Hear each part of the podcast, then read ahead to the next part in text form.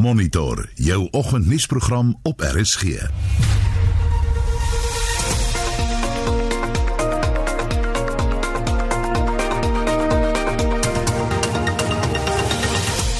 ons program vanoggend die Wes-Kaapse minister van Finansies David Meyer sê sy provinsiale begroting is een van hoop wat planne ondersteun om COVID-19 te beveg. When it comes to the economy, COVID 19 is a left hook and load shedding is a right hook, which often results in a knockout blow that risks compromising economic recovery. Verbruikersvertroue neem toe, iets wat op 'n wankelrige herstel in die ekonomie dui. A range of positive developments in all likelihood supported the sustained recovery in consumer confidence during the first quarter, including a sharp decline in COVID 19 infection rates, soaring stock prices on the JSE, and a recovery in employment, albeit muted, as the South African economy continues to mend. En later in Monitor 'n sogenaamde kripto kunswerk is pas deur die Britse afslaers Christie's vir byna 70 miljoen dollar of meer as miljard rand verkoop. Goeiemôre, ek is Anita Visser. En ek is Gustaf Greiling. Welkom by vanoggend se Monitor. So pad na 13 minute oor 6 is ingeskakel hier by Monitor op RSG. In 'n oorsig van die nuus vanoggend, die koerant voorblaaie, die burger het een groot berig is op al die koerante vandag die groot nuus natuurlik OB se kop geëis na LPS ja stem. Komitee moet nou amptelike ondersoek naar begin en daar's 'n foto op die voorblad van die burger John Steenhuisen en Natasha Mazoni die hoofsweep daar vier gister nuus ten gunste van die aanvaarding van die verslag van 'n onafhanklike paneel in die nasionale vergadering wat tot 'n amptelike ondersoek teen die OB dan sal lei. Nog 'n berig op die voorblad van die burger vanmôre Paastyd en Ramadan rede tot kommer. Die aanbreek binnekort van die vierings uh, is 'n groot bron van kommer weens die moontlike verspreiding dan van COVID-19. En 'n berig binne die koerant van Min Shaw vanoggend na 60 jaar nog nie klaar konsert gehou. Beeld se voorblad kyk ons verder. Hulle het ook 'n storie kind kry eintlik hulp na dae in erge pyn. Dis nou Zia Ney van der Merwe en sy 7 jaar oud. Sy is van Parys. Sy het bitter min hulp by drie staatshospitale in die Vrystaat ontvang nadat haar regterarm gebreek is, maar uiteindelik toe nou gister dank sy weldoeners 'n operasie in uh, die uh, daghospitaal daar in Bloemfontein ondergaan.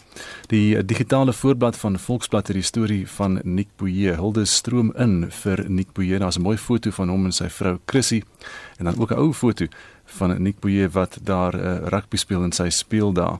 Die loskakel met die goue skopvoet wat die Vrystaat in 1967 tot 'n beroemde sege oor Suid-Skotland in Bloemfontein gelei het, is oorlede. Verder kyk ons na nuus op moneyweb.co.za. Die Suid-Afrikaanse ekonomie kan 4 jaar neem om te herstel van COVID-19 en internasionaal op bbc.com. Daar is weer nuus eh, van 'n Amerikaanse intelligensieverslag oor Rusland en dit sê die Russiese president Vladimir Putin het 'n uh, pro-Trump influ influence wat noem dit 'n invloedveldtog invloedveldtog het hy gedryf dis dan nou Vladimir Putin wat doelbewus uh, Donald Trump ondersteun het en dis wat die intelligensieverslag bevind het. En dis net so vinnige oorsig oor vanoggend se nuus. Wysigings aan die toelatingsbeleid vir skole is verlede maand vir kommentaar in die Staatskoerant gepubliseer. Een van die bepalinge is dat skole nie meer leerders op grond van taal mag wegwys nie. Nou volgens Solidariteit bedreig hierdie wysigings die voortbestaan van enkel medium skole waar slegs een taal as onderrigmedium aangebied word. Het enkel medium skole 'n toekoms of 'n bestaansreg? Wat is jou mening? Stuur vir ons 'n SMS na 45889. Dit kos R1.50 of gaan na facebook.com vorentoe skynstreep ZRSG of WhatsApp vir ons stemnota na 076 536 6961 076 536 6961 Die 16 oor 6 in die Wes-Kaapse minister van Finansies David Meyer het gister sy provinsiale begroting ter tafel gelê daar in die wetgewer en die provinsie wil 217 miljard rand oor die volgende 3 jaar bestee. Justin Kinderly berig. Meer as 11000 mense in die Wes-Kaap is dood as gevolg van COVID-19 in die provinsie. Die pandemie het ook ekonomiese ontwikkeling tot stilstand gebring. Meneer het net meer as 2 miljard rand op sy gesit om enstowwe aan te koop om COVID-19 in die provinsie te verslaan. 'n Verdere 832 miljoen rand kan gebruik word in geval van 'n moontlike derde golf om onder meer die uitbreiding van toetse, die voorsiening van persoonlike beskermende drag en suurstofvoorsiening te befonds. We have allocated 325.6 million rand for the rollout of vaccinations, which will be spent on rolling out up to 5.1 million vaccinations in the Western Cape. We have allocated 75 million rand for the procurement of vaccines, which may be spent on procuring up to 500,000 single shot vaccines for the Western Cape. We have allocated 20 million rand for communication on vaccines. 'n Weskaapse herstelplan sal fokus op werk, veiligheid en welstand. Die belegging in infrastruktuur sal meer as 29 miljard rand beloop met die doel om ekonomiese groei aan te dryf terwyl die 2,35 miljard rand begroot is om veiligheid te verbeter. Myneer sê hulle sal prioriteitsareas en openbare plekke teiken om geweldsmisdade te verminder. We will for example spend 750 million rand over the medium term on 500 additional law enforcement officers for high crime areas. which will ensure that there are more trained law enforcement officers on the ground to fight crime, especially violent crime, and improve safety. We will spend 23 million rand over the medium term to expand opportunities for at-risk youth in high crime areas. Myneer sê elke vlak van beerdkrag kos die provinsiale ekonomie daagliks ongeveer 75 miljoen rand. When it comes to the economy, COVID-19 is a left hook and load shedding is a right hook, which often results in a knockout blow that risks compromising economic recovery, which is why we will spend 48.8 million rand over the medium term and provide a further 20 million rand in the provincial reserves for the municipal energy resilience project. Die ANC se provinsiale woordvoerder vir finansies, Nomi Nkondlo, sê die begroting bied geen hoop nie en spreek nie die aanhoudende uitdagings aan wat die armes raak nie. Inequality and poverty have deepened during the pandemic, but this recovery plan and budget does not provide any clear plans to deal with these pathologies. By refusing the budget as a tool to address deep seated inequalities in regard to this provincial economy with asset based on race, the province will continue to see the gap between the haves and have nots grow even wider. Die Good LP, Brett Herren, sê hoewel hulle die COVID-19 verwante stappe verwelkom, is daar 'n buitensporige besteding aan wetstoepassing. There is a disproportionate investment in law enforcement allocating an additional 750 million rand for 500 learner law enforcement officers would not solve the crime and gangsterism problem. The investment should rather be made in addressing the living conditions of those communities, the social, economic, and spatial violence that they endure, which cannot be fixed by throwing more law enforcement officers at the problem. Myneer sê dit is 'n begroting van hoop wat op tafel gelê is wat die planne ondersteun om COVID-19 te verslaan wat lewens vernietig in die Wes-Kaap. Hierdie verslag deur Bernice Moss en ek is Justin Kennerly vir SAK nuus. 620 julle is na monitor en die sakeverslag word nou aangebied deur Jaco Joubert van PSC Wealth Sandton. Môre Jaco. Goeiemôre Anita, goeiemôre aan al die luisteraars. Die JSE se indeks van alle aandele het gister met 0.41% laer op 67566 punte gesluit. Top 40 indeks het uh, eh, 0.48% laer op 61624 punte gesluit. Die industriële indeks was uh, eh, 0.07% laer. Finansiële aandele was met uh, eh, 1.38% laer. Goudmyners was met uh, 0.49% hoër en die hulpbron indeks 0.34% laer.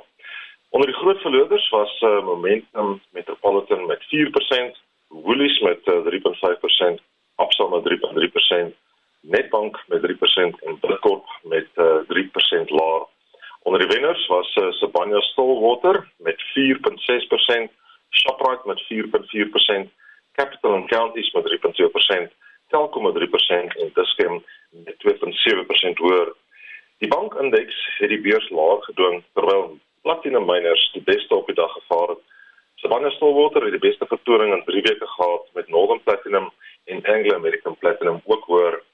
Shoprite het sy uh, interim resultate bekend gemaak. Die uh, groep wat uh, die grootste kruideniershandelaar in Afrika is, het daarna geslaag om sy wins te midde van COVID-19 wat op die verbruikers inweeg te verhoog. Verkope is 4.7% hoër en sy wins toeskryfbaar aan aandeelhouers is 4.5% hoër. Shoprite gaan ook meer op sy bedrywighede in Suid-Afrika fokus en van sy besighede in Kenia en Nigerië weens moeilike operasionele omstandighede onttrek en meer versigtig in Angola sakebedryf.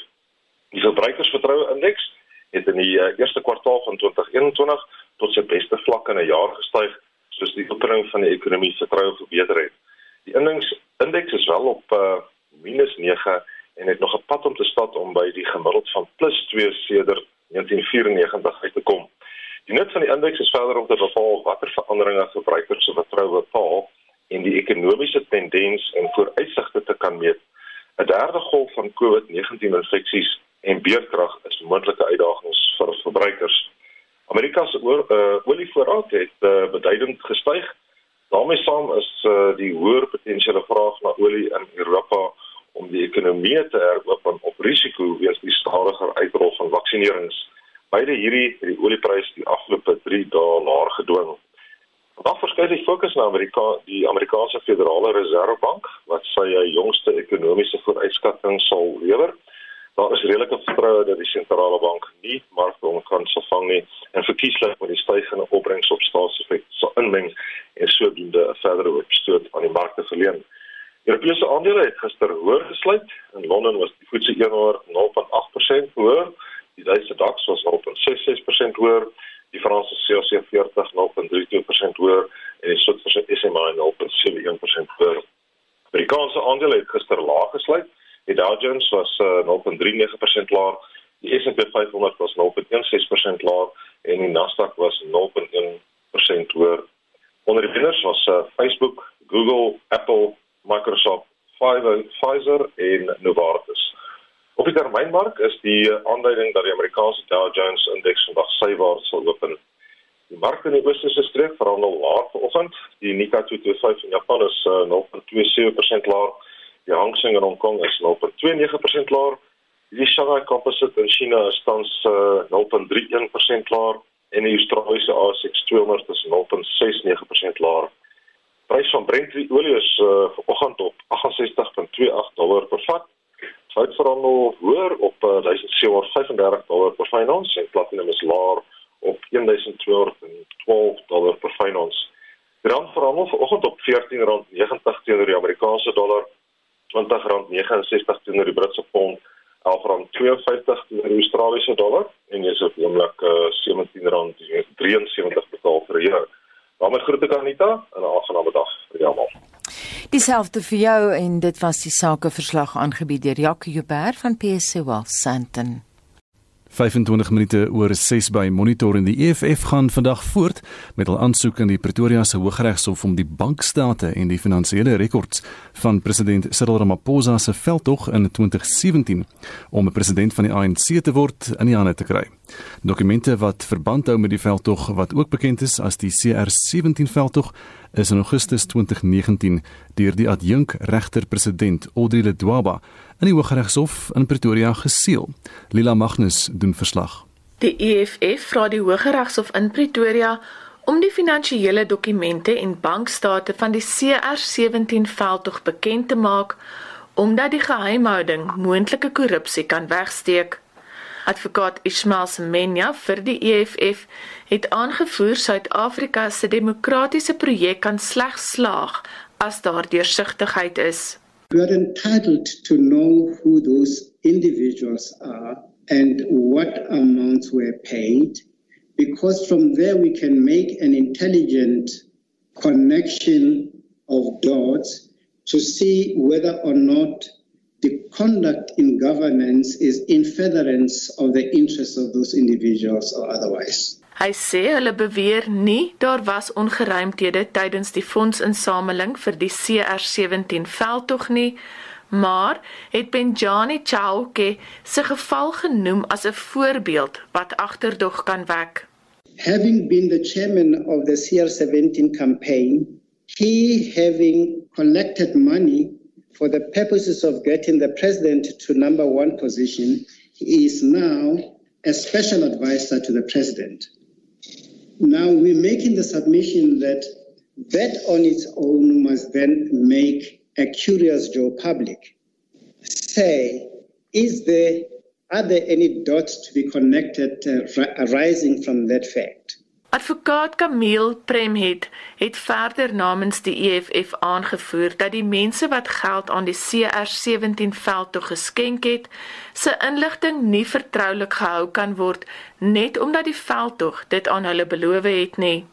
There is an intrinsic value in the records relied on by a decision maker being public so that the public for themselves can see what the evidence was in front of the decision maker when they made their decision and can for themselves see, oh, yes, the court overturned the public protector's decision because look, on page whatever of the Rule 53 record, it says the cat is black, but in her report, she says the cat is white.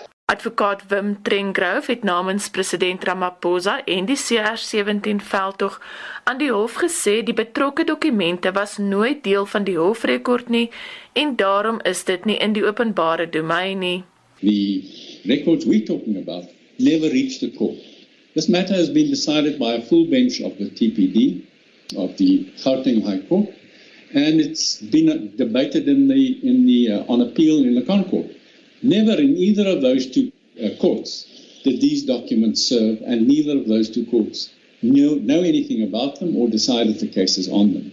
They simply do not form part of the body of information to which the open justice principle applies.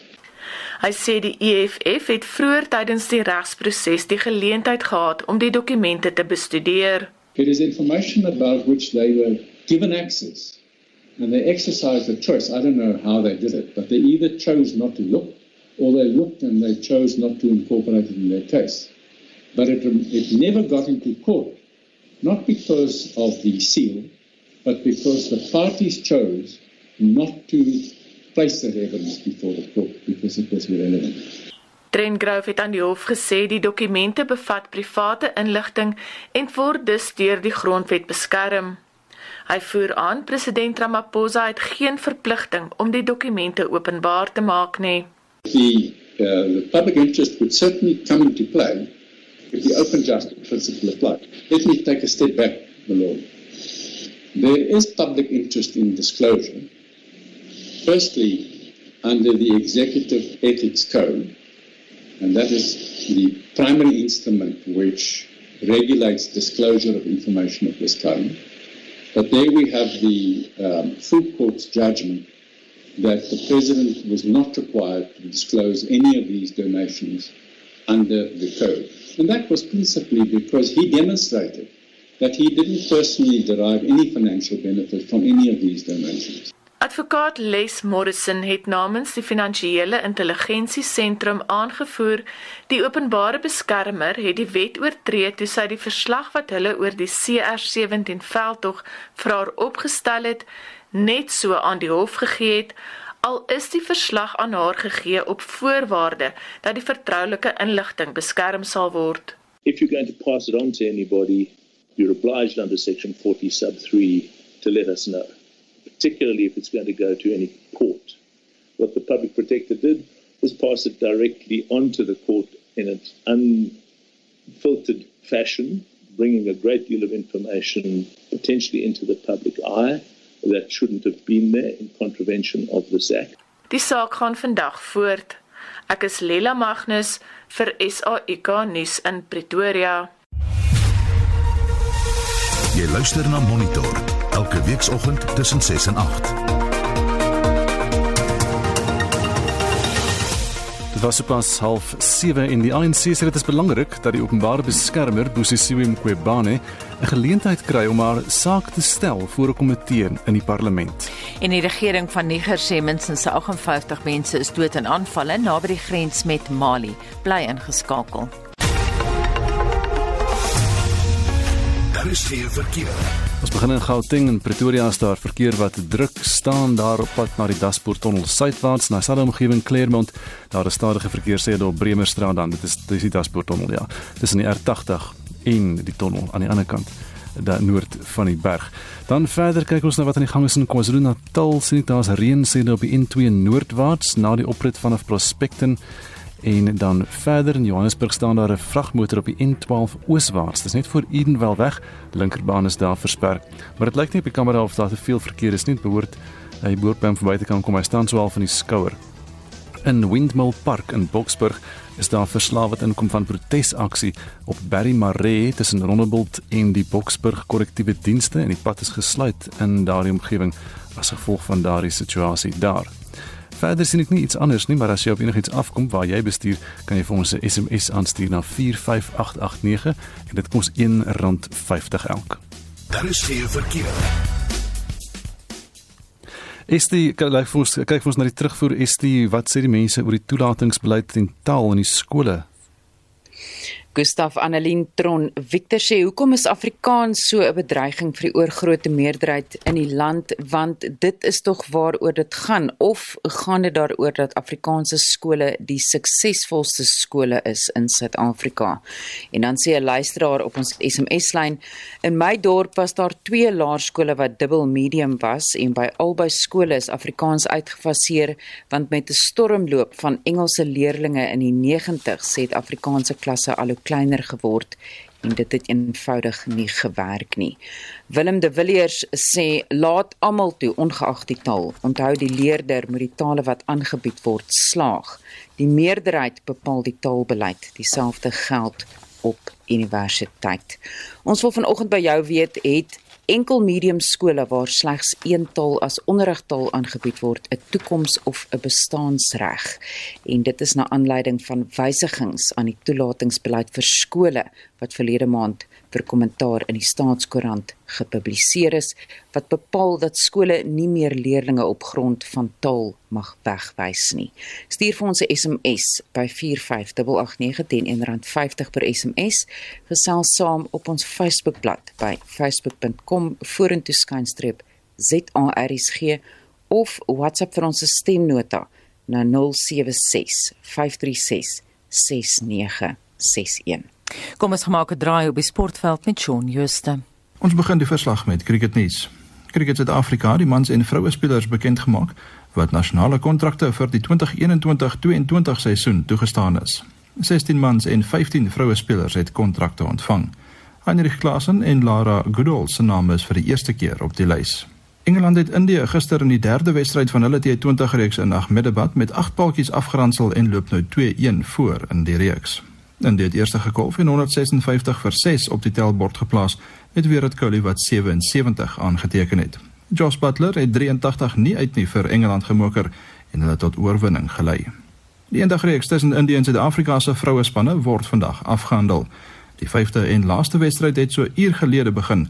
Suid-Afrika het die lood gewen en gekies om eerste veldwerk te doen.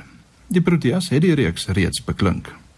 In die plaaslike vierdaagreeks se laaste groepswedstryde het die Cape Cobras dag 1 in Kaapstad teen die Knights op 84 vir 1 in hulle eerste beurt geëindig en die Knights is vir 181 in hulle eerste beurt uitgeboonder. In Johannesburg het die Titans die dag op 45 vir 1 in hulle eerste beurt in antwoord op die Lions se eerste beurtelling van 206 geëindig. En in PE staan die Dolphins op 67 vir 2 in hulle eerste beurt teen die Warriors wat dit 124 in hulle eerste beurt kon aanteken. Rugby Die Suid-Afrikaansgebore CJ Stander gaan sy rugbystewels aan die einde van die huidige Europese seisoen ophang. Die 30-jarige agste man het sy loopbaan in 2010 by die Bulls begin voor hy by Munster aangesluit het en al 150 wedstryde gespeel het. Stander het ook al in 50 toetse vir Ierland op die veld uitgedraf en ook een toets vir die Britse en Ierse Lions in 2017 teen Nieu-Seeland gespeel.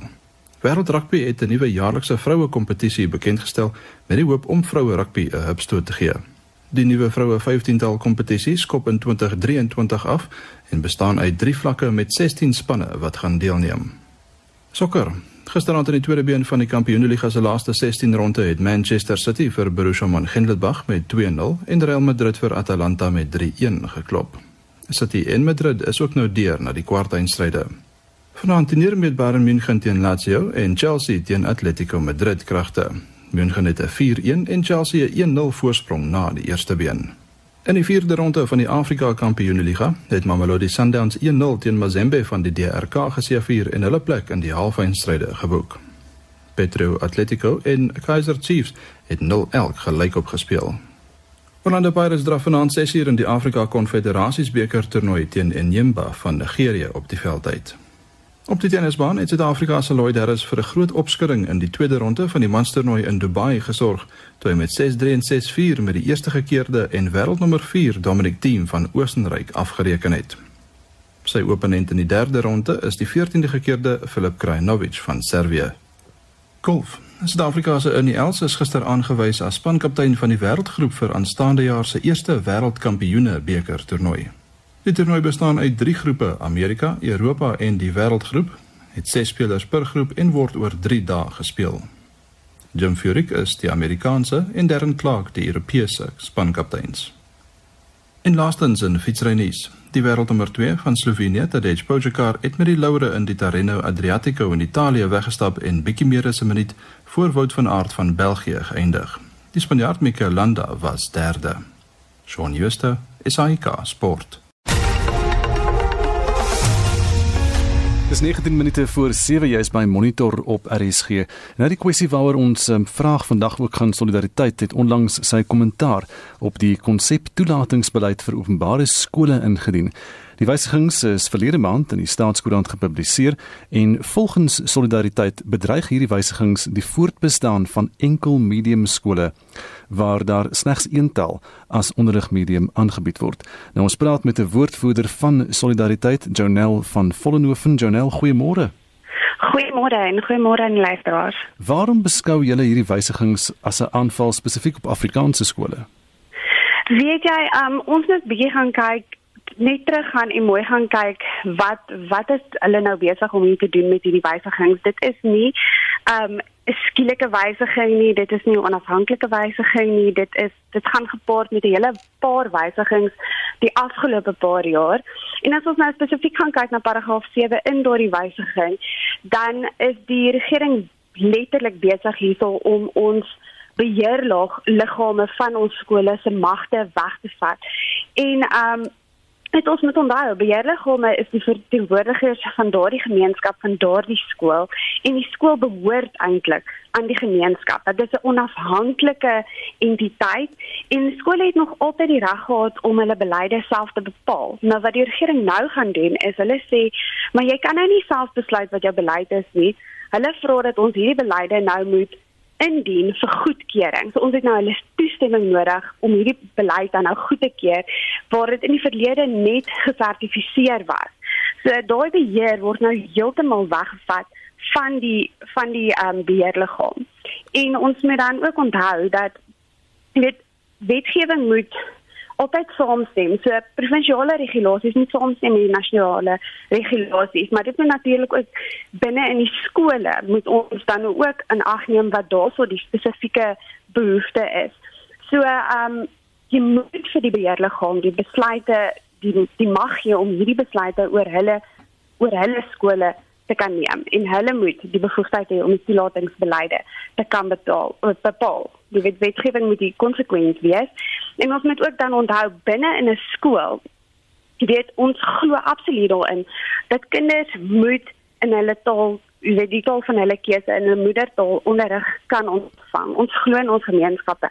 So behoort die soos ek gesê die die skool dan aan die gemeenskap en dan binne in daai gemeenskap, binne in daai taal taal en onderrig gemeenskap is daar dan ook 'n spesifieke waarde oor oordrag wat plaasvind. En dit is dan dit wat deur hierdie um, wetgewing spesifiek dreig word. Maar hierdie wysiging noem nie Afrikaans by naam nie. Nee, dit is so. Hy sal nie die taal by die naam neem nie. Maar ehm um, die feit dat die wysiging in paragraaf 9 spesifiek verwys na taal en dan in werklikheid vir um, taal verwyder as 'n toelatingsvereiste moet dan nou binne die groter konteks gesien word. Hierdie wysiging staan nie onafhanklik nie. Ons moet dit binne die konteks van die afgelope paar jaar se wysigings en gebeure sien. Ehm um, dit is een van vele wat basies elke jaar gebeur. Met tye word daar self gepoog om die wet um, die wet self te wysig en meer magte van beheerliggaam weg te neem dat hulle nie meer sekere dis nou self sodat hulle nie meer sekere aanstellings um, kan maak in die departement kom in hulle maak sekere aanstellings by die skool so ehm um, so binne in daai konteks kan 'n mens dan sê dat dat die Afrikaans definitief bedreig word. Wat behoort die regering eintlik volgens jou te doen? Jong, die regering moet skole bou. Ehm um, jy weet ons het 11 amptelike tale wat ten volle as onderrig medium ontwikkeling uitgebou moet word en en die skole weet jy weet maak of die konstitusie die grondwet maak eintlik voorsiening daarvoor. Dit is sy plig. Dit is die staat se plig om skole te bou en hulle uit te bou. Um hulle moenie onderwys afwater deur kinders in skole in te druk en klaskamers te vergroot en die onderrig medium deurlopend na Engels te verander nie. Hulle moet eerder die bestaande skole ook dan ondersteun en hulle afhanklikheid eerder bevestig en beheerliggame bemagtig om beheer te neem oor die skool self dat hulle verantwoordelikheid neem vir hulle skool self. Ons kan nie verwag dat of ons kan nie die die die departement kan nie verwag dat hy nou moet insal het en skool moet beheer vanuit 'n kantoor nie. Jy weet mense gee baie meer om oor die skool waar sy kind self is as wat 'n bureaukraat erns wat iewers agter 'n tafel sit gaan omgee oor 'n skool. Hulle verstaan, hulle verstaan ook dan nou beter die ouers wat binne in daai skool die behoefte is. Het enkel medium skole nog 'n toekoms veral in gebiede waar dit als Afrikaans nie uh, die die dominante taal is nie? Enkel medium skole het verseker nog 'n toekoms. Ons moet onthou enkel medium skole is nie noodwendig Afrikaanse skool nie. Um so enkel medium skole het verseker 'n toekoms. Um en daardie toekoms moet beskerm word. Ongelukkig gaan hierdie toekoms nie van self kom nie, soos wat ons nou sien. Dit is iets wat vir elke skool in sy gemeenskap sal moet veg. Dit is definitief iets wat bedreig word as ons nou spesifiek kyk na Afrikaanse skole. Daar's 'n afname in Afrikaanse skole, um veral Afrikaanse enkelmedium skole en dit is dis 'n stryd. Um want alles gaan op hierdie stadium teen hierdie skole, maar die onus rus nou by hulle om vas te skop en te sê, weet jy ons gaan nie voldoen aan hierdie wetgewing nie want die probleem is ook, jy weet as jy nou 'n vergunning maak, die oomblik is wat jy as jy nou hierdie enkel medium skool en 'n dubbel medium of 'n parallel medium skool maak, is die vo um, volgende stap noodwendig dat hy enkel medium Engels gaan word. So die skole vir Engels byna daagliks en um daardie moet maar vasgeskop word. Daar is daar is 'n plek vir 'n enkel medium skool. Daar is 'n plek vir kinders om in hulle moedertaal onderrig te ontvang, om daai waardeoordrag te ontvang om binne hulle gemeenskap te groei. Um en dit is noodwendig dat dit dan nou Engels word die oomblik as jy daai vergunning maak. So die voortbestaan bly maar by die jy weet die oornis rus op die skool om dan nou hier vas te skop en te sê maar nee, ons ons gaan nie um dit toelaat nie. Janelle baie dankie Janelle van Vollenhoven, sy is 'n woordvoerder van Solidariteit. En ons bly by die storie en ons praat nou met Jaco Deeken. Hy is van die Federasie van Beheerliggame van Suid-Afrikaanse skole. Goeiemôre. Goeiemôre. Jaco, ek neem aan jy het nou gehoor wat Janelle van Vollenhoven daar of Janelle van Vollenhoven daar alles te sê gehad het. Een van haar punte van kritiek was dat beheerliggame se magte word eenvoudig gesnoei. Julle kommentaar? Nee, ek kan nie heeltemal saamstem met die vorige spreker nie. Dit is 'n beleidsdokument, dit is nie wetgewing nie. Beheerliggame se regte word nie weggevat in hierdie dokument nie en beheerliggame bly steeds betrokke by die aanstelling. So ek dink ons moet ook waak teen 'n baie breë stellings wat gemaak word wat nie noodwendig so is in skole nie. Wat wel die geval is, is dat daar is 'n nuwe beleidsdokument gepubliseer vir openbare kommentaar. Daar's 'n paar aspekte waar ons bietjie kan gesels. Taal is een van hulle, maar in daai dokument is taal nie as 'n losstaande uh, kriteria uitgesluit nie. Ehm um, so taal kan nie alleen as 'n faktor gebruik word nie, maar daar's natuurlik 'n klomp ander faktore wat saam met taal aggeneem word die die hoeveelheid leerders en die aandrang daarop maar die skolewet wysig nie die beheerliggaam bly steeds verantwoordelik om die toelatingsbeleid te bepaal en te skryf en die grondwetlike waardes oor taal is nog steeds daar sowel as die ander twee belangrike dokumente oor taal en onderwys wat dan natuurlik nou nie deur hierdie beleid geraak word nie en ons moet ook onderskei wat is wetgewing, wat is regulasies en wat is 'n beleid. Hierdie is 'n beleidsdokument, nie wetgewing nie. Mhm, mm baie belangrike onderskeid daar wat jy nou getref het. Wat dink julle oor die tydsberekening, Jaco? Nee, ek dink die tydsberekening is uiters swak. Die staat weet dat dit is nou tyd vir beheerliggaamverkiesings. Die ou beheerliggame gee oor na die nuwe beheerliggame toe. Hierdie dokument is nie deur die normale konsultasieprosedures waar beheerliggaamorganisasies op strukture sit uh om dit te bespreek nie. Dit uh, die beheerliggaamorganisasies is gesystap en hierdie punt is nou Saterdag op die agenda wanneer ons met DG hieroor praat, maar ek dink hierdie tydsberekening, dis nie 'n dringende dokument nie. Mm. Hierdie dokument kom deur die normale struktuur van konsultasie gekom. Het. Ons is baie ongelukkig oor die tydsberekening. Jy het net verwys Jaco na verskeie aspekte wat jy bestudeer het. Wat staan vir jou uit? Ek dink daar is daar is twee drie belangrike aspekte dalk die wysiging die departement is bietjie gedruk vir die wysiging oor hofuitspraak oor ongedokumenteerde leerders wat toelating tot skole moet kry spesifiek met verwysing dan en op buitelandse leerders uh, wat wat in die land is en daardie aspek moes die staat meer dringend aanspreek uit uh, uit hoofde van die hof aansoek of die hof uitspraak dan uit. So dit is in die dokument en daarna moet gekyk word. Die die toelating handel dan spesifiek onder andere oor die taalkomponent, oor die ouderdom waar waar leerders kon skool toe gaan.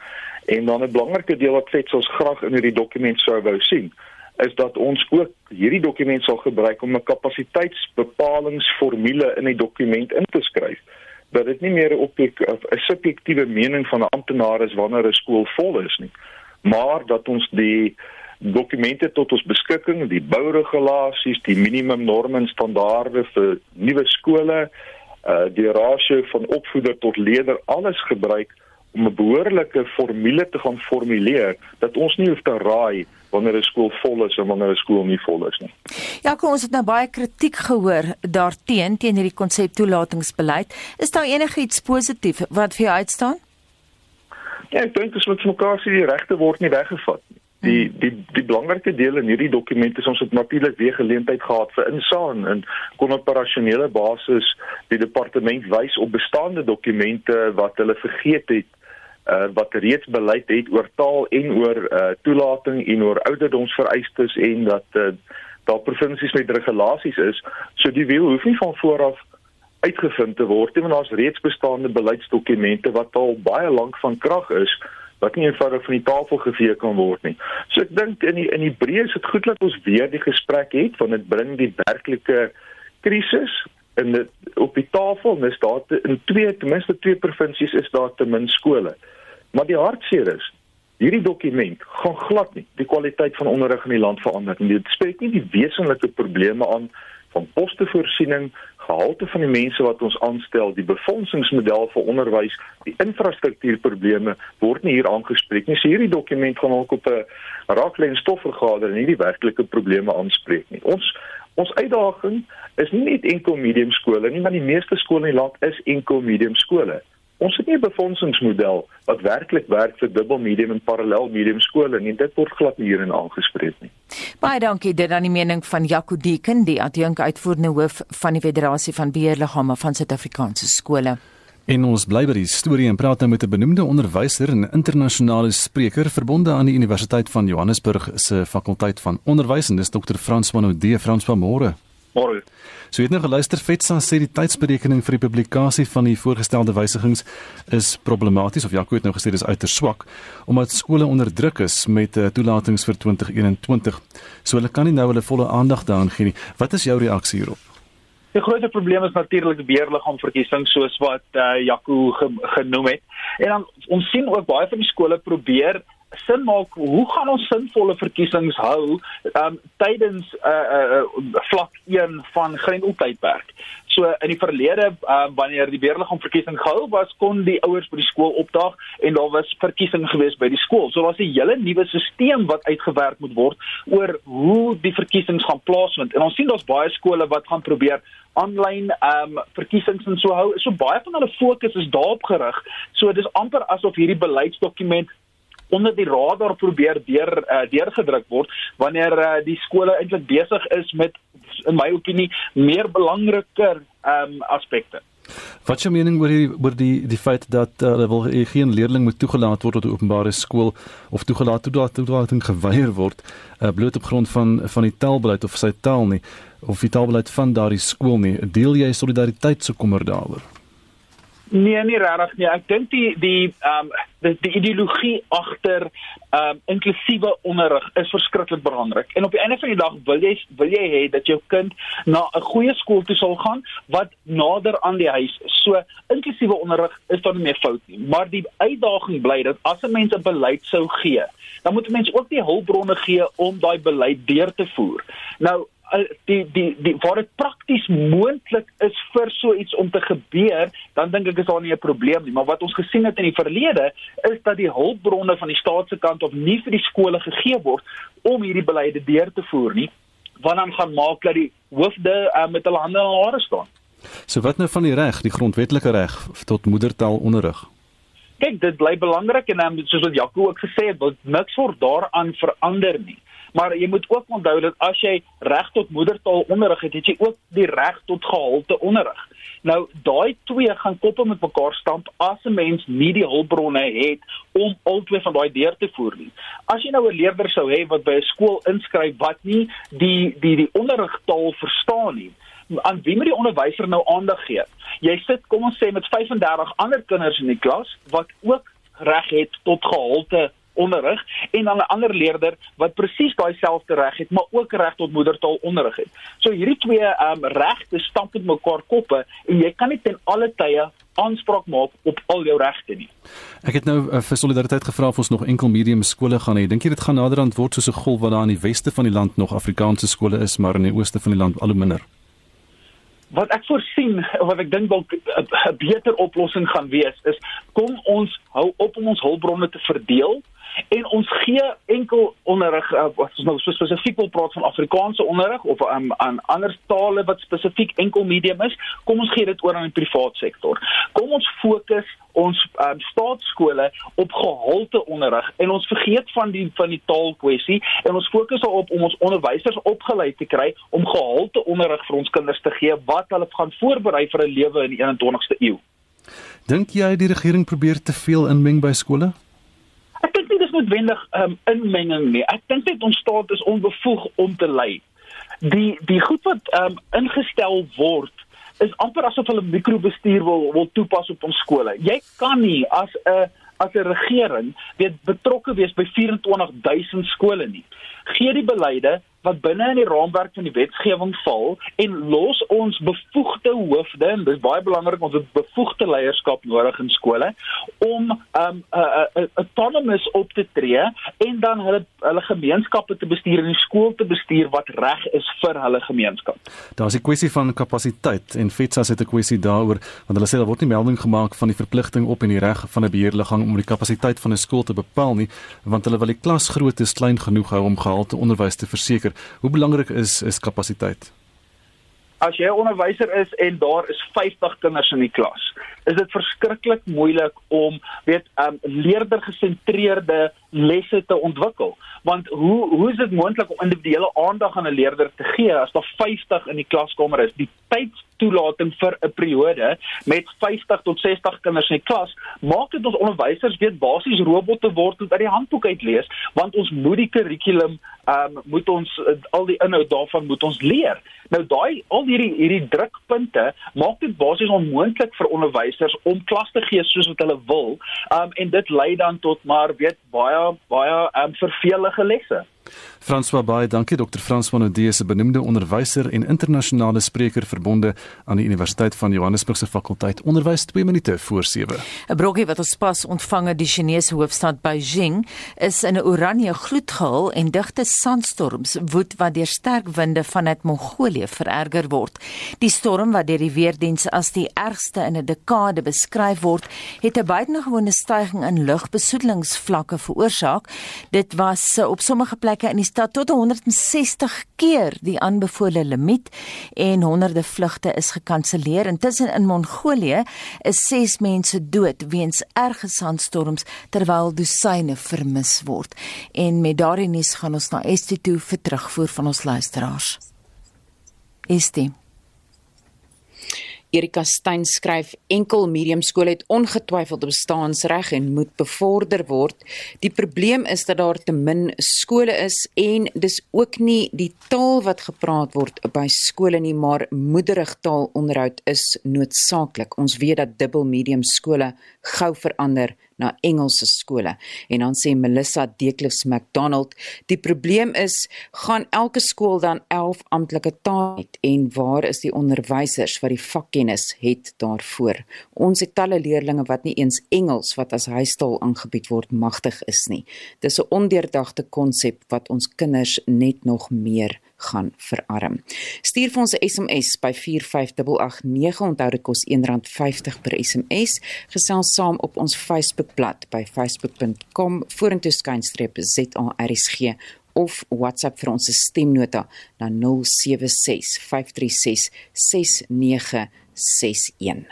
Intussen bly ingeskakel op monitor want na 7 vanoggend 'n baie belangrike gesprek vir diegene wat die nuus gemis het, die nasionale vergadering het oorweldigend gestem ten gunste van 'n ad hoc komitee om die bevoegdheid van die openbare beskermer te ondersoek. So bly in vir daai gesprek, bly ingeskakel vir daai gesprek na 7 en dit bring ons by die nuus.